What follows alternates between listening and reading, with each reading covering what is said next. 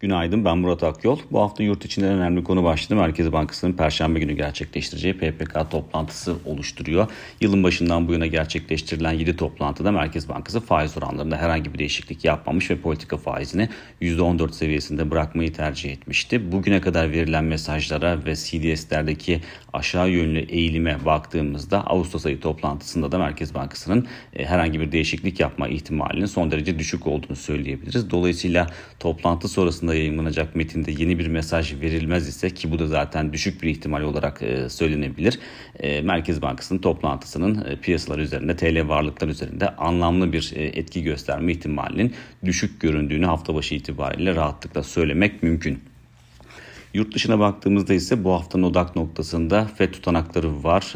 3 ee, hafta önce gerçekleştirilmişti toplantı ve e, FED o toplantıda faiz oranlarında arka arkaya ikinci kez 75 bas puanlık artırım yapmıştı. Ancak toplantı sonrasında FED Başkanı Powell e, Eylül ayından başlayarak e, Fed'in faiz artırımlarının hızını yavaşlatabileceğine dikkat çekmişti ki zaten bu da risk iştahını önemli ölçüde arttıran bir unsur olarak çalışmıştı. Geçen hafta enflasyon rakamlarının hem üfenin hem tüfenin e, piyasa beklentisinin belirgin şekilde altında kaldığını gördük ki bu da agresif faiz artırımlarına duyulan ihtiyacın azaldığını artık e, net şekilde gösteriyor. Piyasa beklentisi de e, bu kapsamda Eylül ayı toplantısında 50 bas puanlık bir artırıma işaret ediyor. Tabi e, üfe ve tüfe rakamları e, muhtemelen zaten e, tutanaklarda yer almayacak. Çünkü tutanaklar tüfe üfe rakamları açıklanmadan önceki 3 hafta önceki dönemi e, değerlendiren e, bir e, döküman.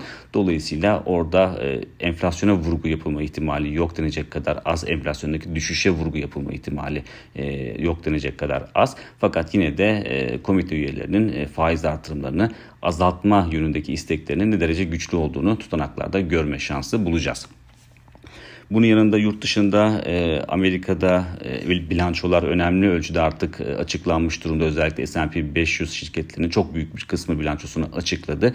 Ancak bu haftada e, önemli bilançolar var. Özellikle makroekonomik göstergeleri dair ipuçları verme potansiyeli taşıyan şirket bilançoları var ki bu durumda işte istihdam, enflasyon, tüketici harcamaları ve stoklardaki değişim gibi konularda e, gösterge olabilir bu şirketlerin açıklayacağı bilançolar. Burada da Walmart, Target, Lowe's, Home Depot gibi şirketleri görüyoruz. Dolayısıyla bunların bu şirketlerin hem bilançoları hem de gelecek dönemlere ilişkin vereceği mesajlar piyasaların geneline yayılan e, etki e, yaratma potansiyeli taşıyor. Bunun dışında Cuma günü e, Moody's Türkiye'nin kredi notunu B2'den B3'e düşürdüğünü açıkladı. E, görünümü ise negatiften durağına çevirdi. E, tabii e, kredi notunun düşürülmesine neden olan faktörlere baktığımızda Moody's'in açıklamalarında ödemeler dengesi üzerinde artan baskıları ve döviz rezervlerinin daha da düşme riskini e, görüyoruz. Bunları düşürme gerekçesi olarak açıkladı Moody's. 5 e, kademe altındaydı yatırım yapılabilir seviyenin Türkiye'nin kredi notu. E, e, Cuma günkü açıklamayla birlikte artık 6 kademe e, altına düşmüş durumda yatırım yapılabilir seviyenin. E, Borsa İstanbul'a baktığımızda ise Borsa İstanbul'da 2850 puanı kısa vadeli hedef olarak görüyorduk ki o seviyeyi artık açtık ve üzerinde kapanışlar yapmaya başladık.